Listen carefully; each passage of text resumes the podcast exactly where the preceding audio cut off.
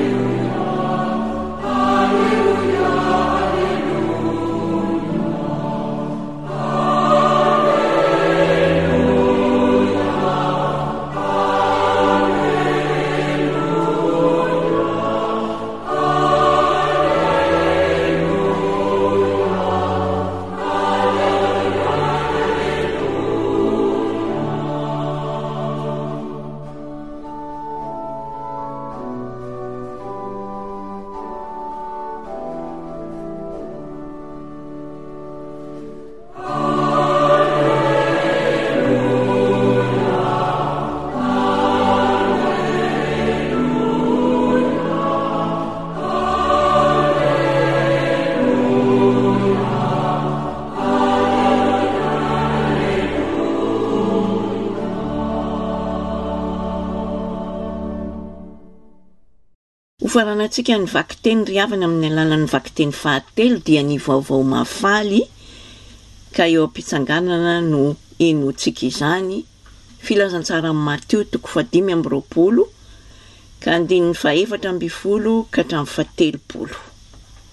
Amin'ny anaran'ny Tompo. Ny fanjakan'ny lanitra dia tahaka ny amin'ny lehilahy handeha any an-tany hafa ka niantso ny mpanompony ary nametraka ny fananany taminy. Koa ny anankiray dia nomeny denaria telo alina, ny anankiray denaria iray alina sy roa arivo, ary ny anankiray denaria enina arivo, samy araka izay fahaizany avy. Dia Lazara lehilahy tompom-pananana nandeha any an-tany hafa. Avy hatrany ilay nandray denaria telo alina dia nampiasa izany ka nahazo tombony denaria telo alina. Toy izany koa no nataon'ilay nandray ny denaria iray alina sy roa arivo, ka nahazo tombony denaria iray alina sy roa arivo. Fa ilay nandray denaria enina arivo kosa dia lasa niady tany ka nandevina ny volan'ny tompony. Nony ela dia niverina ny tompon'ireo mpanompo ireo Ka nampamoaka azy telo lahy ny amin'ny petra-bolany. Dia nanantona ilay nandray denaria telo alina, ka nanolotra denaria telo alina hafa koa sady nilaza hoe, Denaria telo alina tompoko no napetrakao tamiko. Indro fa nahazo denaria telo alina hafa tombony aho. Dia hoy ny tompony taminy, 'Mahafinaritra izany, ry mpanompo tsara sy mahatoky! Nahatoky tamin'ny zava-madinika ianao, ka dia tendreko hiandraikitra zava-dehibe. Avia hiombon-kafaliana amiko tomponao! Dia nanantona koa ilay nandray denaria iray alina sy roa arivo, ary nilaza hoe, Dia nary iray alina sy roa arivo, tompoko, no napetrakao tamiko. Indro fa nahazo denari iray alina sy roa arivo hafa tombony aho. Dia hoy ny tompony taminy, Mahafinaritra izany, ry mpanompo tsara sy mahatoky! Nahatoky tamin'ny zava-madinika ianao, ka dia tendreko hiandraikitra zava-dehibe. Avia hiombon-kafaliana amiko tomponao. Dia nanontona kosa ilay nandray denaria enina arivo, ary nilaza hoe, Fantatro, tompoko, fa lehilahy mila voatsiary ianao, ka mijinja amin'izay tsy namafaza anao, ary manangona amin'izay tsy naneleza anao. Dia natahotra aho ka lasa nandevina ny volanao tao anaty tany. Koa indro averiko aminao ny fanananao. Dia hoy ny tompony taminy, Mpanompo ratsy sady kamo raha ianao! Fantatrao fa mijinja amin' izay tsy namafazako aho, ary manangona amin' izay tsy nanelezako. Noho izany, tokony ho napetrakao tany amin' ny banky ny volako, ary horaisiko mbamin'ny zana-bola ny fananako rehefa tafaverina aho. Koa alao ny denaria enina arivo eny aminy, dia omeo an'ilay manana denaria enina alina. Eny, izay rehetra manana no omena hatrany ary hanabe, fa izay tsy manana kosa, na izay kely ananany aza, dia halana aminy. Ary io mpanompo tsy misy ilana azy io, roahy any amin'ny haizina any ivelany, ka any izy no hitomany sy hikitro nify. Ray Masina ô, manamasina anay amin'ny fahamarinana, fa ny Teninao no fahamarinana. Amen.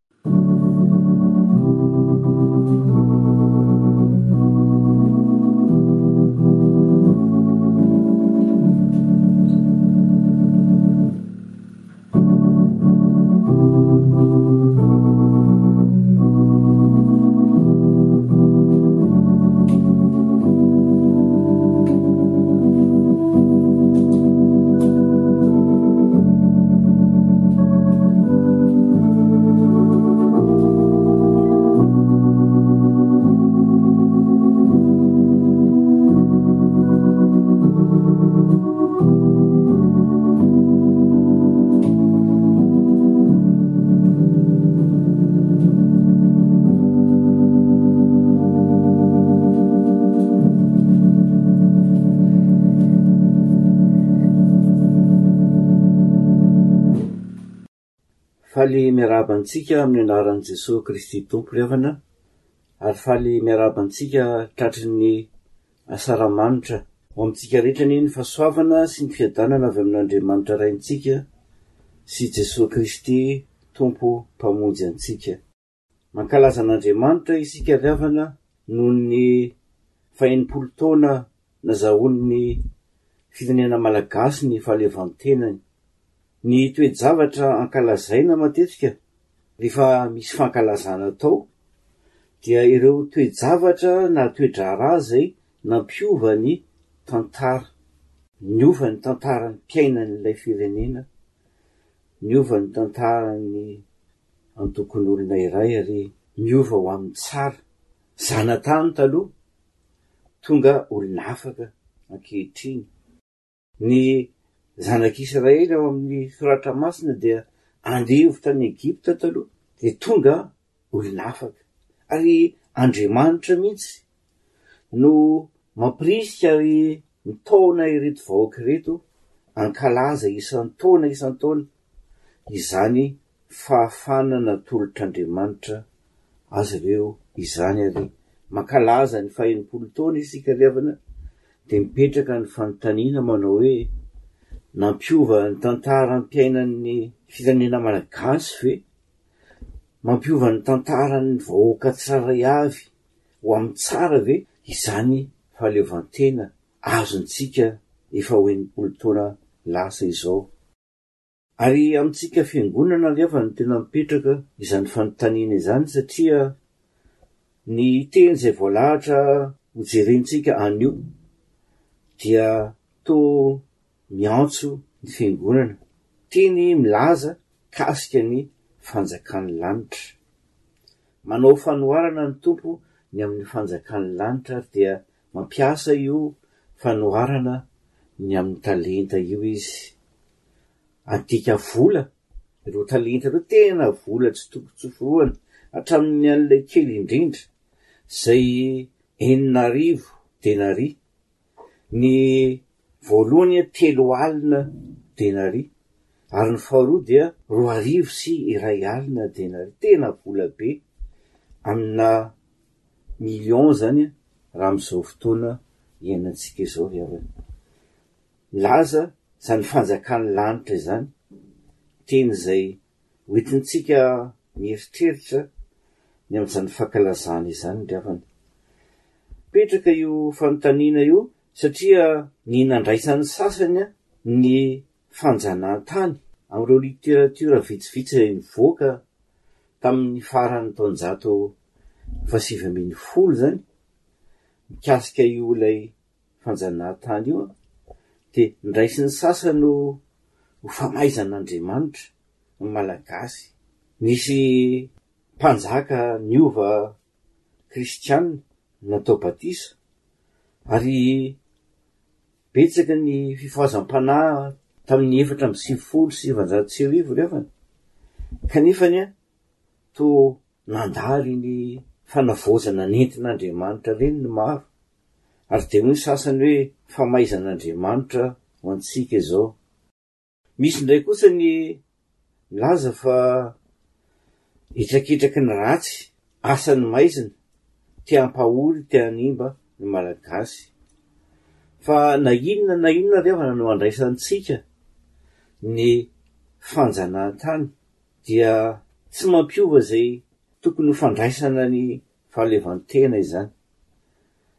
Ny fahaleovantena dia sehatra izay ampiasaina ireo talenta nomen'Andriamanitra na ny fiangonana na ny olona tsirairay avy mba handrosoantsika amin'ny tsara mandrakariva, hitomboantsika amin'ny fahamarinana sy amin'ny fahamasinana.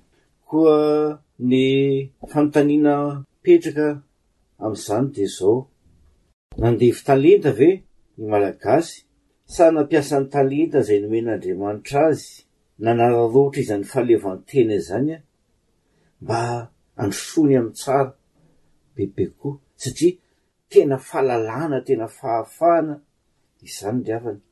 Sa nampiasain'ny olona ho an'ny tenany fotsiny samy irery izany fahaleovantena izany? Azahoany ny tombony manokana ho azy.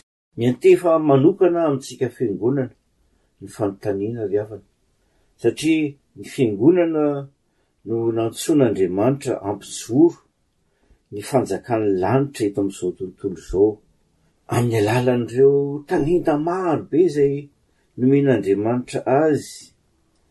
Raha izany no izy ry havana, dia toe-javatra roa ihany no mety miseho eo amin'ny Fiangonana. Raha toa ka Isika marina no antsoin'Andriamanitra mba hanana anjara amin'izany hoe fampijoroana ny fanjakan'ny lanitra eto anivon'izao tontolo izao eo amin'ny fiaraha-monina misy antsika dia toe-javatra roa ihany no mety mitranga, ny voalohany dia izao, ny fiangonana dia ho toy ny vavahady lehibe hidiran'ny olona ho ao amin'ny fanjakan'ny lanitra. Ahoana ny hevitr'izany, ry havana? Tsy maintsy mivoaka eo amin'izao tontolo izao ny fiangonana mampiasa talenta nomen'Andriamanitra azy, dia ny fitoriana ny filazantsaran'ny fihavanana, ny fahamarinana izay Mitaomana ny olona hanaiky an'i Kristy mba hanjakan'ny fahamarinana eo amin'ny fiainany ary ny fahamasinana hanjakan'ny ireo rehetra ireo eo amin'ny fiarahamonina misy ny Malagasy no ampijoroan'Andriamanitra ny Fiangonana eo anivon'izao tontolo izao ry havana, eo anivon'ny firenentsika Malagasy ry. Raha amin'izay lafiny izay, tao anatin'izay enimpolo taona izay dia tsy mena mitaha mihitsy ny Malagasy raha ny isan'ny fiangonana no jerena. Raha ireo fifohazam-panahy isan-karazany teraka tao amin'ny fiangonana, tao amin'ny firenena no jerena. Kanefa izao ry havana, tsy hisy ny tena fandrosoana raha tsy manjaka ao am-pon'ny olona sy ao amina rafitra rehetra eo amin'ny rafitry ny fiaraha-monina, izany hoe fahamasinana sy fahamarinana ary ny fihavanana marina eo amin'ny samy vahoaka malagasy. Vavahady lehibe ny fiangonana satria amin'ny fitoriana ny filazantsara dia mivoaka sy miditra ho amin'izao tontolo izao sy ho amin'ny Fiangonana Izy ary mitaona ny olona hiaina izany fahamarinana sy famasinana ary fihavanana izany. Ary ny herin'ny Filazantsara Levona no azahoana miaina sy manatanteraka izany. Koa ny fanamby izay apetraky ny Tompo amintsika Fiangonana dia izao, Samy ho hita eo anivon'ny fiaraha-monina tahaka ny ao am-piangonana ihany koa izany famarinana, famasinana, fihavanana izany. Raha ohatra ka mijery ny fiaraha-monina eo amin'izao tontolo izao tsika, eo amin'ny manodidina antsika, ao amin'ny firenentsika, dia hita ao fa manjaka ao ny famarinana, manjaka ao ny famasinana, manjaka ao ny fihavanana amin'ny samy vahoaka, dia satria ao anatin'ny fiangonana koa izany.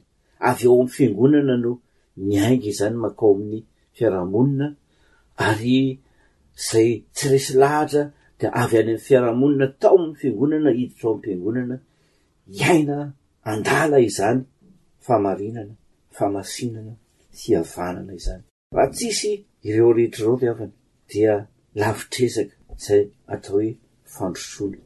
Ny toe-javatra faharoa izay mety mitranga anefa dia izao, tsy tena tanteraky ny fiangonana ny fanompoana izay napetrak'Andriamanitra taminy ary tsy mahataona ny mpiara-belona aminy ny fiangonana fa taona indray toa izy indray aza no voataona. Ary amin'izay fotoana izay dia tsy vavahady lehibe hidirana intsony mankao amin'ny fanjakan'ny lanitra ny fiangonana fa toa lasa varavarankely hitsapana ny hafanana misy eo amin'ny fiainam-pirenena na eo amin'ny fiainan'ny fiaraha-monina. Inona ny dikan'izany ry havana?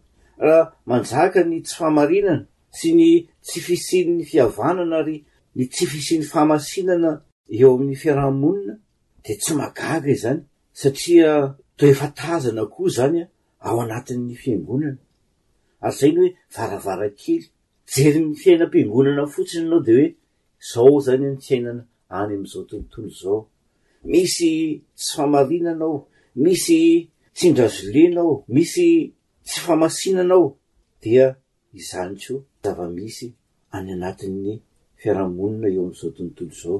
Ary ny mpanao izany aza eo amin'ny fiarahamonina dia zanaky ny fiangonana avokoa. Izany ny zavatra mety mitranga anefa rehefa tsy mahavita sy mahatanteraka izany antson'Andriamanitra ho azy izany ny fiangonana.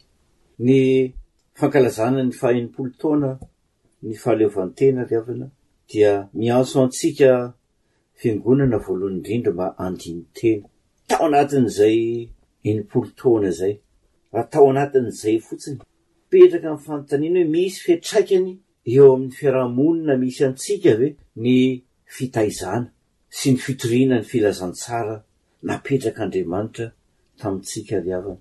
Anjarantsika tsirairay avy ny mamaly izany.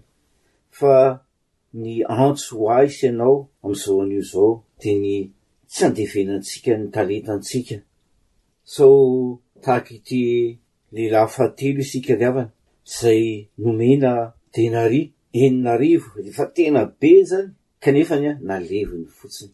Inona moa izany talenta izany ry havana? Raha jerentsika ny ao amin'ny Matio toko fahavalo ambin'ny folo andininy fahavalo ambin'ny folo dia izao no voalaza. Hoy ny Jesosy Kristy, Lazaiko aminareo fa na inona na inona fehezinareo ety ambonin'ny tany dia ho fehezina any an-danitra, ary na inona na inona vahanareo ety an-tany dia ho vahana koa any an-danitra. Izany no Teny fampanantenana nomen'i Jesoa Kristy levana ary talenta lehibe apetrany eo am-pelatanan'ny Fiangonana, izany hoe mamaha sy mamehy izany. Inona ny fitaovam-pamahana na ny fitaovam-pamehezana ry havana? Dia ny fitoriana ny filazantsaran'i Jesosy Kristy, fitoriana ny fihavanana izay nentin'i Jesoa Kristy teto amin'izao tontolo izao. Fihavanana amin'Andriamanitra voalohany dia fihavanana amin'ny olona samy olona. Ary ny hoe na inona na inona hofehezinareo ety an-tany. Inona moa izany fehezina amin'ny alalan'ny fitoriana ny filazantsara izany ry havana? Tsotra ihany, ny fihavanana. Toriana ny filazantsara, ny famelan-keloka. sy ny fihavanana dia miteraka fihavanana amin'ny olona sy Andriamanitra ary amin'ny olona samy olona. Ary inona no manakana ny fihavanana, inona no tsy mahatanteraka an'izany fihavanana izany?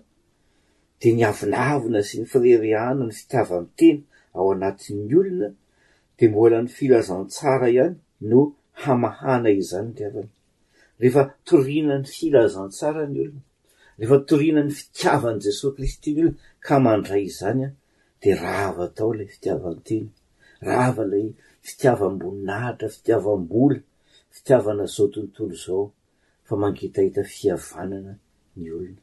Izany no antson'Andriamanitra ho antsika Fiangonana fihavana amin'izao andro izay atontantsika ankalazana an'Andriamanitra, isaorana Azy noho ny enimpolo taona nandraisan'ny firenentsika ny fahaleovantena, ary ny teny atao amintsika koa dia izao, araka ny voalazan'ny apostoly Paoly hoe, Tsy mbola ataoko f'efa nahazo sahady ny tenako nefa tanteraka sahady, fa zavatra iray loha no ataoko, miezaka manadino ny zavatra aoriana ary mijery ny eo aloha. Izany no Takin'ny Tenin'Andriamanitra amintsika raha amin'izao fotoana izay lehibe eo amin'ny fiainan'ny firenena izao, mba ho lehibe koa eo amin'ny fiainan'ny Fiangonana, satria andraisany fanapahan-kevitra tena torin'ny fihavanana entin'i Jesoa Kristy, satria tsy hisy fandrosoana marina sy tanteraka raha tsy ilay fihavanan'Andriamanitra sy ny fiadanan'Andriamanitra mihoatra ny fahalalana rehetra no manjaka ao am-pon'ny Malagasy tsirairay avy. Enga anie ry havana ka mba ampio ren'ny Tompo ao anatin'ny fontsika izany fihavanana, fahamarinana, fahamasinana izany ho voninahitry ny Tompo. Amina.